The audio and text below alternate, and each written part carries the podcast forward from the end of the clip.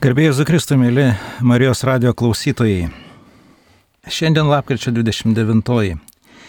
Lygiai prieš 800 metų popiežius Honorijus III patvirtino mažesniųjų brolių pranciškonų re regulą. Ir šiandien mes kalbėsime apie pranciškonus. Laidoje kalbinu brolį pranciškoną. Prašome trumpai jūs prisistatyti. Tai sveiki gerieji Marijos radijos klausytojai, esu brolis Tomas, gyvenantis ir tarnaujantis Kauno Švento Jurgio kankinio bažnyčioje ir vienuolynė. Esu jos vyresnysis ir tikrai dėkoju Marijos radijai už pakvietimą šiandien dalintis mintimis apie mūsų regulą, kurio, kurią šiandieną švenčiame, 800 metų, kaip popiežius Honorijus III patvirtino mūsų tėvui Pranciškui gyvenimo taisyklės, kaip broliai turi gyventi, gyvendami vienuolinį brolišką gyvenimą. Broli Tomai, o kas jūs patraukė, kad jūs pasirinkote būtent Pranciškono ordiną? Gal paprasčiausias dalykas, kas patraukė, tai gal, kiek prisimenu, tai tas pas paprastumas. Pranciškaus paprastumas žiūrėti į viską, ką Dievas dovanojo, sukūrė ir atidavė žmogui paprastom mylinčiom akim. Žiūrėti paprastai. Ir manau, ta, ta savybė pranciškoniška žiūrėti paprastumas mane tai galbūt ir sužavėjo ir aišku tas broliškumas tarp, tarp brolių, davė didelį akstiną kažkaip užsikabinti toj brolyjoje ir tiesiog pasirinkti tą brolišką gyvenimo būdą. Ir aš labai džiaug, tuo bent jau džiaugiuosi ir esu patenkintas. Ir nenustoju toliau gyventi tuo broliškumu. Ir stengiuosi įvykdyti tai, ką Šventasis Pranciškus mūsų ordinui kuriejas paliko ir norėjo, kad broliai būtų pirmiausiai broliai būtų broliai vienas kitam ir aišku, kiekvienam sutiktam žmogui, kuris sutinka savo gyvenime, savo kasdienybėje. Tiesiog būti brolių broliams ir seserims. Šventasis Pranciškus vienas iš tų šventųjų, kuris yra pakankamai plačiai žinomas pasaulyje. Ir jeigu mes susistabdytume gatvėje žmonės, gal jis ten kokio švento Ignaco neatsimintų, švento Domininko ne, bet šventą Pranciškų dažniausiai taip. Kaip Jūs manote, o kuom jisai žavi pasaulį, žavi paprastus žmonės Pranciškus? Na, aš manau, kad šiandieną šventasis Pranciškus galbūt ir daugelį žinom, bet Daugiau yra šventasis Antanas, man atrodo. Galėčiau susisporyti, kaip sakoma, susi, susilažinti su žmonėmis. Man atrodo, šventasis Antanas dar labiau populiarus yra negu Pranciškus. Bet ko žavi Pranciškus, galbūt tuo me, meilę visam pasauliui. Nes jisai turėjo mylinčias akis ir mylinčią širdį visai kūrinyjei. Ir aišku, tą artimą santykį su Dievu. Jis norėjo tapti tuo antruoju Kristumi ir viską darė dėl to, kad taptų antruoju Kristumi savo gyvenime. Ir mes tikrai daugelį žmonių tas ir žavi - paprastumas, meilė artimui, meilė kūrinyjei, meilė galbūt savo, bet ta teisinga meilė, neiškreipta meilė savo, nes mes visi esame sukurti pagal Dievo paveikslą ir panašumą. Ir Pranciškus stengiasi tuo gyventi, tą evangelinį gyvenimą kasdien, taip kaip jis išgirdo evangelinį žodį. Radikaliai gyventi čia ir dabar. Ne rytoj, bet čia ir dabar. Paimti tai, ką išgirdo Evangelijos žodį, pavyzdžiui, imkim, eik viską parduok ir išdalink vargšams. Jis tą paėmė ir padarė. Tiesiogiai, o mes dar galvotume, ar apsimoka, ar verta ar reikia, kas man iš to bus nauda. To pranciškus, ne, tokių klausimų pranciškus nekelia, jis ima ir daro. Dėl to, kad tai pasakė Dievas. Jis radikaliai priima pažodžiui ir tai daro savo gyvenimu. Stengiasi įgyveninti. Tai galbūt tas šiandieną toks paprastumas ir radikalumas šiandien daryti dėl Evangelijos savo gyvenimą keisti galbūt žmonės ir žavi. Aišku, tai yra iššūkis šiandien. Mhm, Be abejo. Tai yra didelis iššūkis šiandieną imti atsisakyti savęs dėl didesnio gėrio. Mirti savo, kad pasiektum amžinai gyvenimą, turėtum amžiną gyvenimą su Dievu. Tai ir, nu, be galo yra sunku atsižadėti tam tikrų dalykų, kad būtum su juo. Tas, kuris tave sukūrė, tas, kuris tave myli.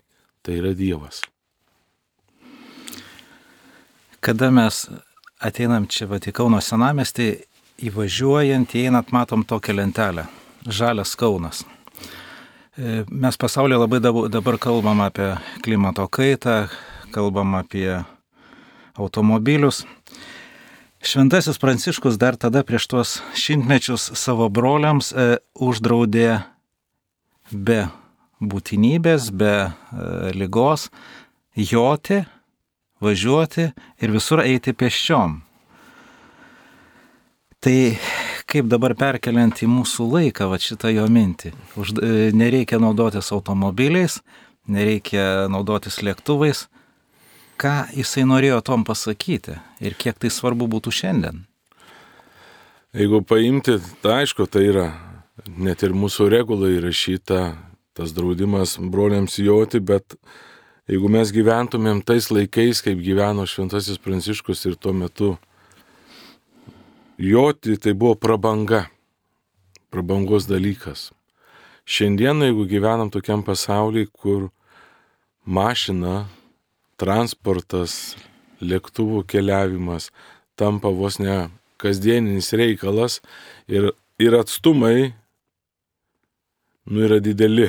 Jeigu man reikėtų važiuoti iš Kauno į New Yorką, pavyzdžiui, į kokią nors lietuvių parapiją, tai aš nežinau, pusę metų keliaučiau mažiausiai, jeigu reikėtų peškom, ta- o vis tiek per Atlantą reiktų perplaukti, vis tiek naudotumėm laivą. Tai yra didelis laiko atstumas. Ir aišku, tie žmonės galbūt ir nesulauktų, visokių dalykų nuvyksta, nutinka kelionėje, bet šiandieną, ką aš noriu akcentuoti, tai, kad mes neprisirištumėm prie tų dalykų, kuriuos mes naudojamės. Pavyzdžiui, transporto priemonė man yra priemonė nuvažiuoti nuo taško A į tašką B. Bet jeigu ta nuosavybė, kuri priklauso vienuolynui, ne broliui, tai priklauso vienuolino bendruomeniai, gali naudotis visi. Ir visi naudojasi, kad pasiekti tam tikrą tikslą ir grįžęs jis tada vis tiek tai yra visų bendras dalykas. Mes naudojam viską bendrai. Bet jeigu aš jau savinuosi, kad yra mano, tada jau yra blogai. Nes, nu, mes davėm ir įžodį, įžadą, kad be nusavybės. Viskas, kas yra, yra bendra visų, kas yra mano, tai yra mano nuodėmės. Apie tai irgi pranciškus kalba. Broliams, kad tai, ką mes turime, viską esam gavę iš Dievo ir mes turim dalintis, duoti. Ir tas jojimas šiandien, aš sakau, tai yra ta priemonė, kuri man pagelbėja tarnauti žmonėms. Bet nesisavinti. Mm, Ačiū.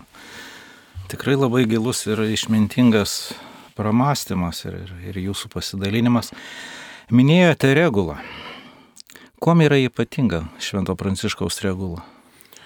Aš manau, kiekvienai vienuoliniai bendruomeniai jo įkūrėjo paliktas palikimas, galbūt sakytumėm regula.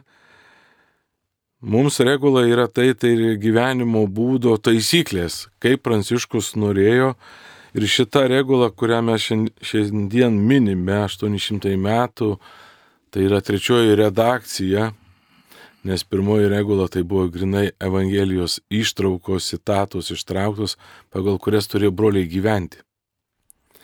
Bet tam tikri bažnyčios atstovai sakė, nu, per daug radikaliai viskas.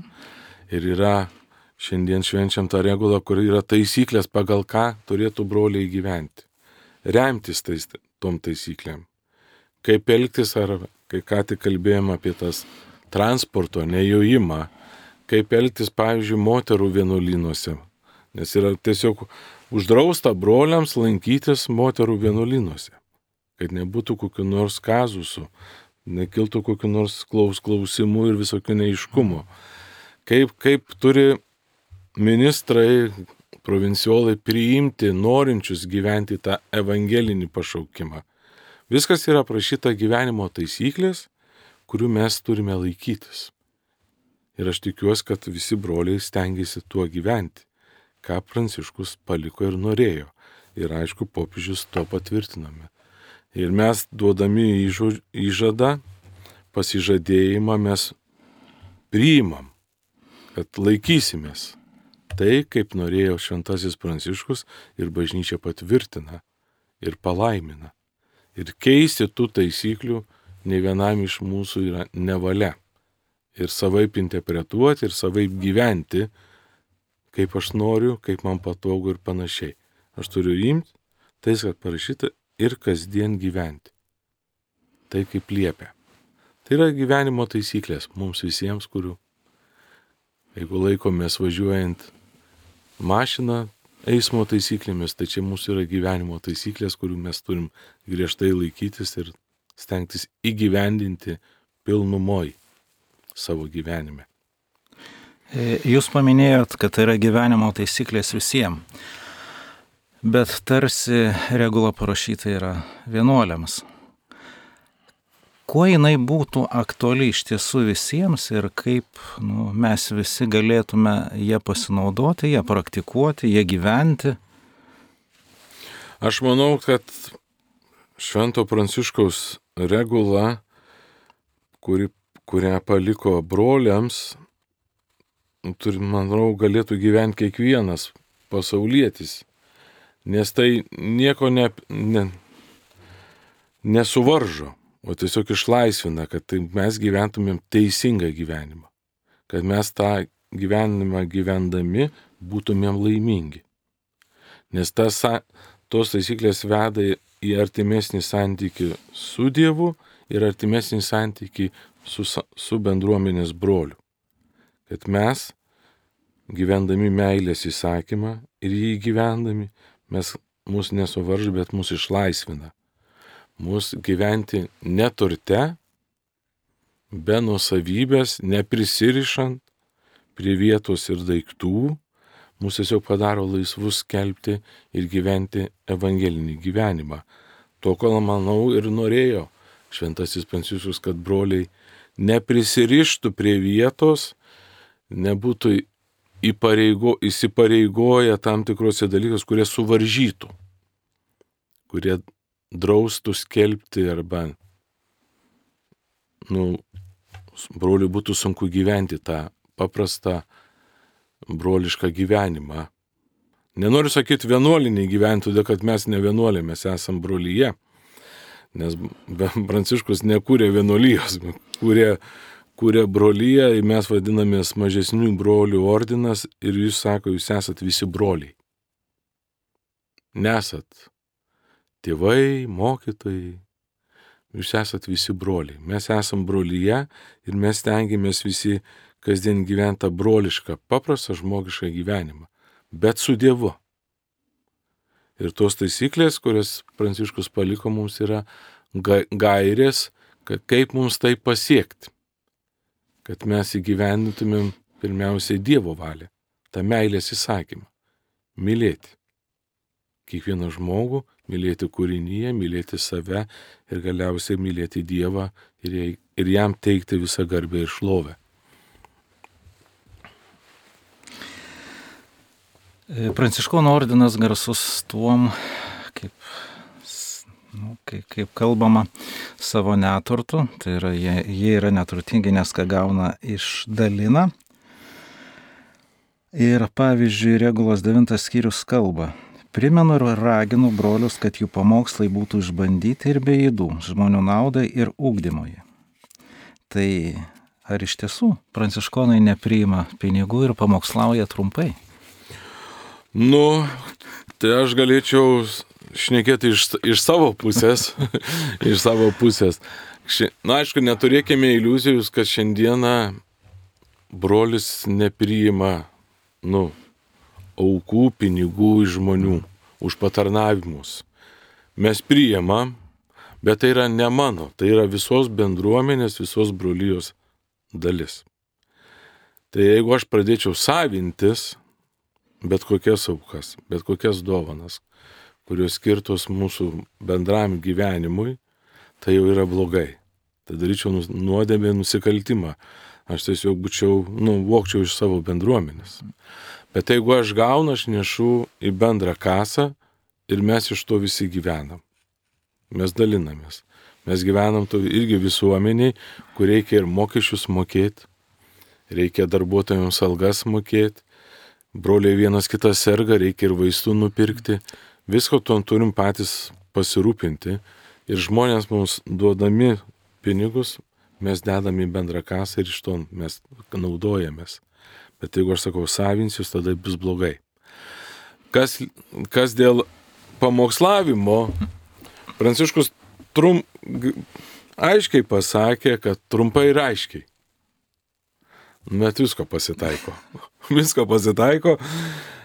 Aš bent jau pamokslaudamas mišių metu stengiuosi vieną ar kitą mintį pasakyti ir kad būtų jinai aiški ir trumpai kalbėti. Aš bent jau stengiuosi tai įgyvendinti. Aišku, ne visada gaunas, išeina. Tai, tai dėl to dažniausiai ir Dievo atsiprašau, kad per daug kalbu arba galbūt nedėmesingas Dievo žodžiai, nepasiruošiau tinkamai, tada ir gaunasi išplėstai kalbu konkrečiai nieko. Tada pranciškus sakytum blogai, brolis, blogai. Reikia Bet aišku, sakyti pamokslą arba homiliją visi turime mokytis trumpai ir aiškiai, kad nebūtų tai, kad pats savim mėgaujasi, pats save šlovinį kabutėse, jeigu galima įsireikšti, bet kad tai pirmiausiai būtų teikiama garbė Dievui. Nes Dievas kalbat savo tautai. O, esi, o tu esi tas instrumentas įgarsinti tą, ką Dievas nori pasakyti. Ir tai turėtų būti trumpai ir aiškiai. Be jokių nuolaidžiavimų, saldybių, kaip aš sakau, tiesiai šviesiai. Jeigu sako pakeis gyvenimą, tai jį reikia pakeisti. Kaip pakeisti, tai kiekvienas atranda savo laiką ir vietą. Tai irgi yra. Nu, išmanimas ir sugebėjimas būti konkrečiam ir aiškiam, pasakyti vieną kitą mintį Evangelijos tikslą, bet jeigu mes sakydami pamokslus, homilijas grožimės savim, tai jau tada yra blogai. Tai yra blogas, bloga įda ir tikrai šventasis pranciškus tuo nesidžiaugtų, o ateitų ir pabartų. Kartais žmonės ateina ir pabara. tai būna ir tokių gyvenime atvejų, kad ateina, sako, brolis, nu šiandien nepataikiai. Arba per ilgai šnekėjote. Sušalom visi bažnyčio, pavyzdžiui. Vis, vis, visokių gyvenime situacijų būna. Abejo. Nu, tai tada dabar galėtumėte trumpai. Vienuoliai duoda klusnumo, neturto ir skaistumo įžadus. Tai vad trumpai apie klusnumą. Klusnumą, nu, klusnumą mes įžadą tai duodam paklusnumą savo vyresniajam. Ne? Mes, kadangi mažesniųjų brolių ordino Švento Kazimiero provincija, mes provincijai turime savo vyresnį, vadinam provinciolų, kuris paskirdamas mane, pavyzdžiui, į Kauno vienuolyną rašo obedienciją, tokį paskirimo raštą, per kur per kiek laiko aš turėčiau užimti vienokias kitokias pareigas arba gyventi vienam ar kitam vienuolynė ir aš turiu paklusti. Nes aš esu davęs paklusnumo įžadą vyresniam. Ir tą visi mes prisipažįstam. Bet kart, tas yra, kai sakau, kartais būna tai, kad mano norai nesutampa su vyresniojo norais. Ir galbūt tada atsiranda prieštaravimas vidinis ir visa kita. tada kalbam apie mirimą savo. Tu dėl, pagalvoji, dėl ko tu esi čia. Ir tu davėjai paklusnumo įžadą. Tu šiuo metu esi reikalingas ten. Vadovybė nusprendė, kad šitam vienuolynė tu atliksi tam tikras pareigas ir tavim pasitikė. Tu nepasitikė savo jėgom, tu ką, prastas, dar kažką. Nu visokių būna, mes prisigalvojame, aišku, esam žmonės, nesam tie robotai, kur įdėjo mikroskemą ir aklai viską darai. Nors tai Pranciškus gal ir norėtų.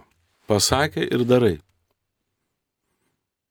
Bet tam tikri dalykai, ir gyvenime, ir berolyje gyvenant, kiekvienose namuose yra vyresnysis, arba mes sakom gvardijonas, kuris vadovauja visam brolijos gyvenimui. Ir aš turiu tam, jam paklus, kai jis pasako, sustato dienotvarkę maldų, mišių laiką, darbo laiką, pareigas, Ir tą visą laiką mes turime laikytis. Negaliu sakyti, aš, jeigu 8 val. yra ryto malda, sakysiu, aš neįsiu, man tai visai negalioja. Ne.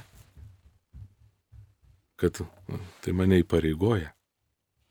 Įžadas ir tas bendras mūsų gyvenimo būdas, regula, taisyklės, kad aš turiu, net ir reguloje parašyta, kiek kas ir kaip turi melstis ir klausyti vyresniųjų. Aišku, visko būna. Būna tai, kad ir prieštaraujam, ir ginčijamės, ir nepaklūstam, sulaužom. Tai jau irgi eini, atsiprašai, eini iš pažinties ir vėl stengiasi to gyventi tuo įžodžiu. Nes tai tave įpareigoja. Neša atsakomybę. Nes tu esi ne tik už savo gyvenimą atsakingas, bet esi atsakingas už visų brolių gyvenimą. Nes mes visi kūrėm tą bendrą brolijos gyvenimą.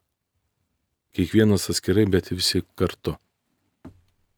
Žiūrėkit, jūs sakot, pasakė ir eina daryti. Turime tokią nuostabią Loto istoriją. Lotas ne aklai paklūstas jis, kalbasi, vyksta dialogas keičia taisyklės. Taip ir mes irgi stengiamės kalbėtis, prieiti to bendro konsensuso. Ir prieš, pavyzdžiui, prieš bet kokį paskirimą ar pareigų visą laiką provinciolas, vyresnysis provincijos atsiklausia brolio nuomonės. Ir paklaus, kaip tu manai? Jeigu taip ir taip. Jeigu pasakai viskas ok, ir gauni raštą, tai jokių problemų nebūna.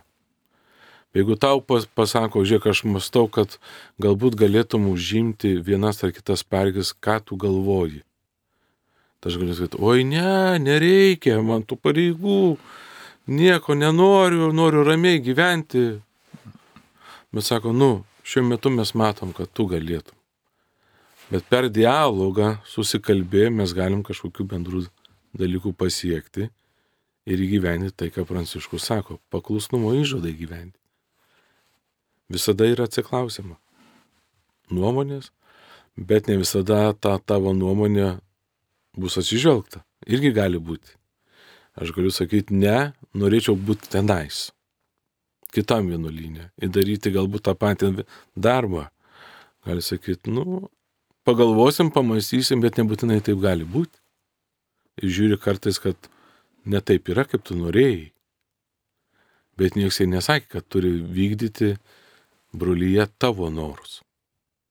Jeigu pradės brolyje vykdyti tavo norus, tavo pageidavimus, klausimas, ar tu esi ten, kur tu tu esi, savo vietoj. Nes norų neturi vykdyti. Mes turim daryti tai, kas mums priklauso. Gyventi brolišką gyvenimą ir daryti tai, kas priklauso. Pasaulyje dabar labai yra akcentuojama laisvė rinktis. Ko būti, ką daryti, kaip šitas paklusnumas turėtų atrodyti kasdienybė jau ne broliams, bet kiekvienam žmogui. Ką galėtų kiekvienas žmogus va šitoj laisvės tokiam propagavimo, laisvės pasirinkimui laikotarpyje. Nu, šiandieną su ta laisvė, kurie, kurie mes gyvenam visuomeniai, labai daug dalykų yra neteisingų, kiek aš pastebu. Kai žmogui duodama daug laisvės, mes kartais nebežinom, ką daryti su tą laisvę. Laisvė rinktis, laisvė veikti vienai per kitaip ir niekad neapsispręsti. Irgi laisvė yra. Daryti apsisprendimą ar nedaryti. Ir kartais mes ties to ir sustojam. Daug laisvių turime, pareigų ir atsakomybių mes bijome. Nes tada mane įstato, kaip kiti sako, jaunas žmogus, kurio šnekės, sako, mane įstato į tam tikrus rėmus.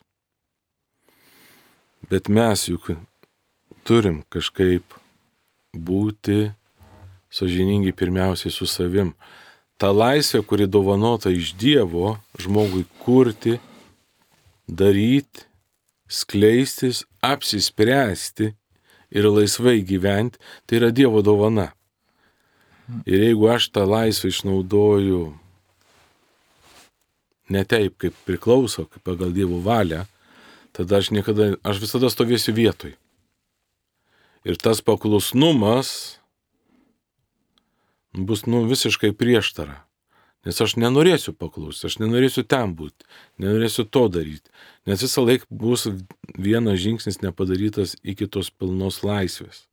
Nes aš turėsiu apsispręsti, kad aš pasakė, apsispre... sutikau, apsisprendžiau, susikroviau daiktelius ir važiuoju į tą vienuolyną arba tą bendruomenę, darau tą ir tą. Bet aš galiu visą laiką būti prieštarauti, nes aš esu laisvas daryti tą, Bet ką aš darau su tą laisvę? Ar ta laisvė, kuri man dovanota, mane gali ir nužudyti kaip žmogų? Nes mes kartais, nu, labai daug naudojamės to žodžiu laisvė, bet ta laisvė yra didelė atsakomybė. Mes bijom tos atsakomybės, turėdami laisvės. Ir tada mes stovim vietų, kaip aš sakau. Turim, bet nesinaudojam. Tinkama laisvė. Tai atsiranda ir anarchija, ir dar kažkas, tada mes jau visiškai jau nužmogėjam. Nes, nu, tikroji laisvė mus išlaisvina nuo visko, padaro mus laisvus tiek viduje, tiek ir išoriai. Pirmiausiai būti žmonėmis. Bet aišku, gyvenant visuomenį mes turim laikytis irgi taisyklių.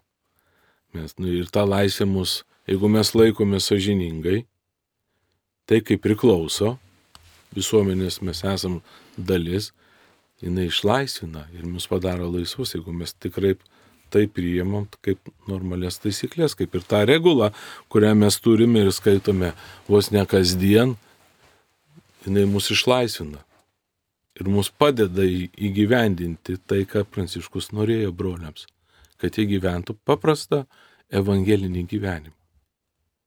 Ir tos taisyklės mums padeda būti tais tikrais mažesniaisiais broliais, ko Pranciškus ir norėjo. Norėčiau paklausti tokios e, tarsi praktiškos situacijos šeimoje. Nu, jinai tikrai gali ir pasitaikyti ir dažnai būna, kada tėvai ir vaikai. Ir tėvai sako, vaikam jūs privalot tą daryti. Pavyzdžiui, tėvai turėjo svajonę ar kažkuris iš tėvų groti muzikos instrumentų kažkokiu tai ir susiklosti aplinkybės taip, kad nėra. Ir jisai tada tą savo svajonę perkelia į savo vaikus ir paklusnumas Ar vaikai tada turi paklusti tokiam tėvų norui? Man tai tas žodis tu privalai netinkamas. Niekas neprivalo. Niekas neprivalo. Taip turi būti laisvas žmogaus apsisprendimas.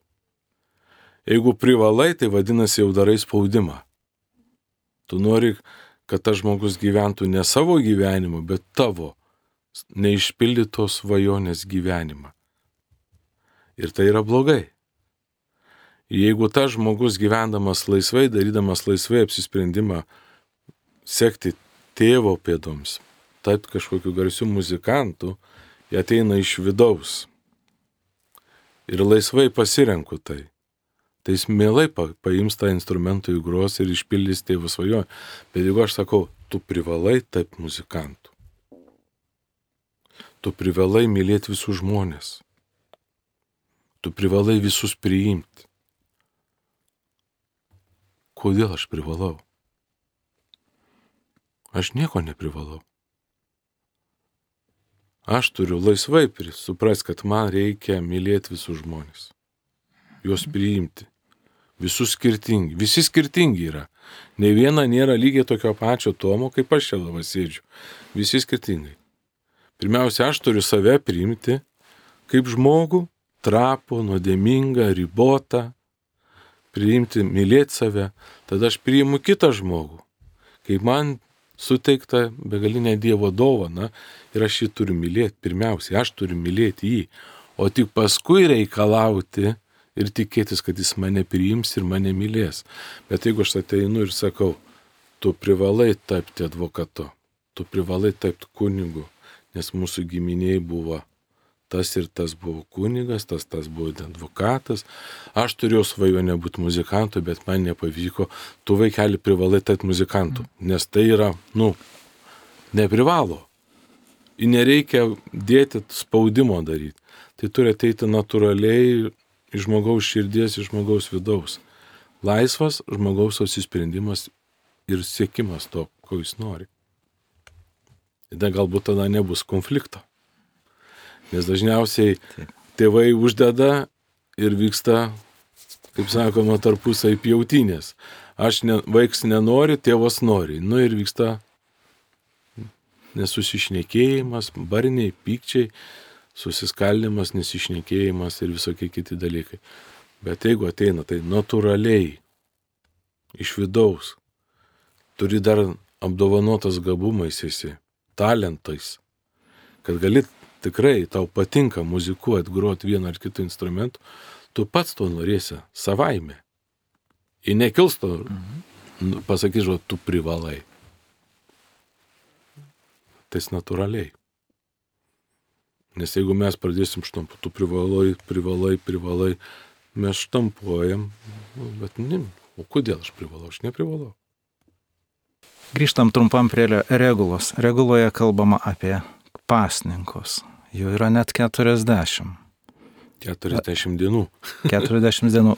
Ar tiek daug iš tiesų pasnikaujat? Ir, ir, ir ar tai nekenkia? Nu, jeigu mes tą tikrąją žodžio prasme pas, pasnikas, tai kaip Pranciškus galvojo, pirmiausiai, kad aš taip pasnikaučiau 40 dienų, man reikėtų gauti gydytojo leidimą duona ir vandeniu pasnikauti.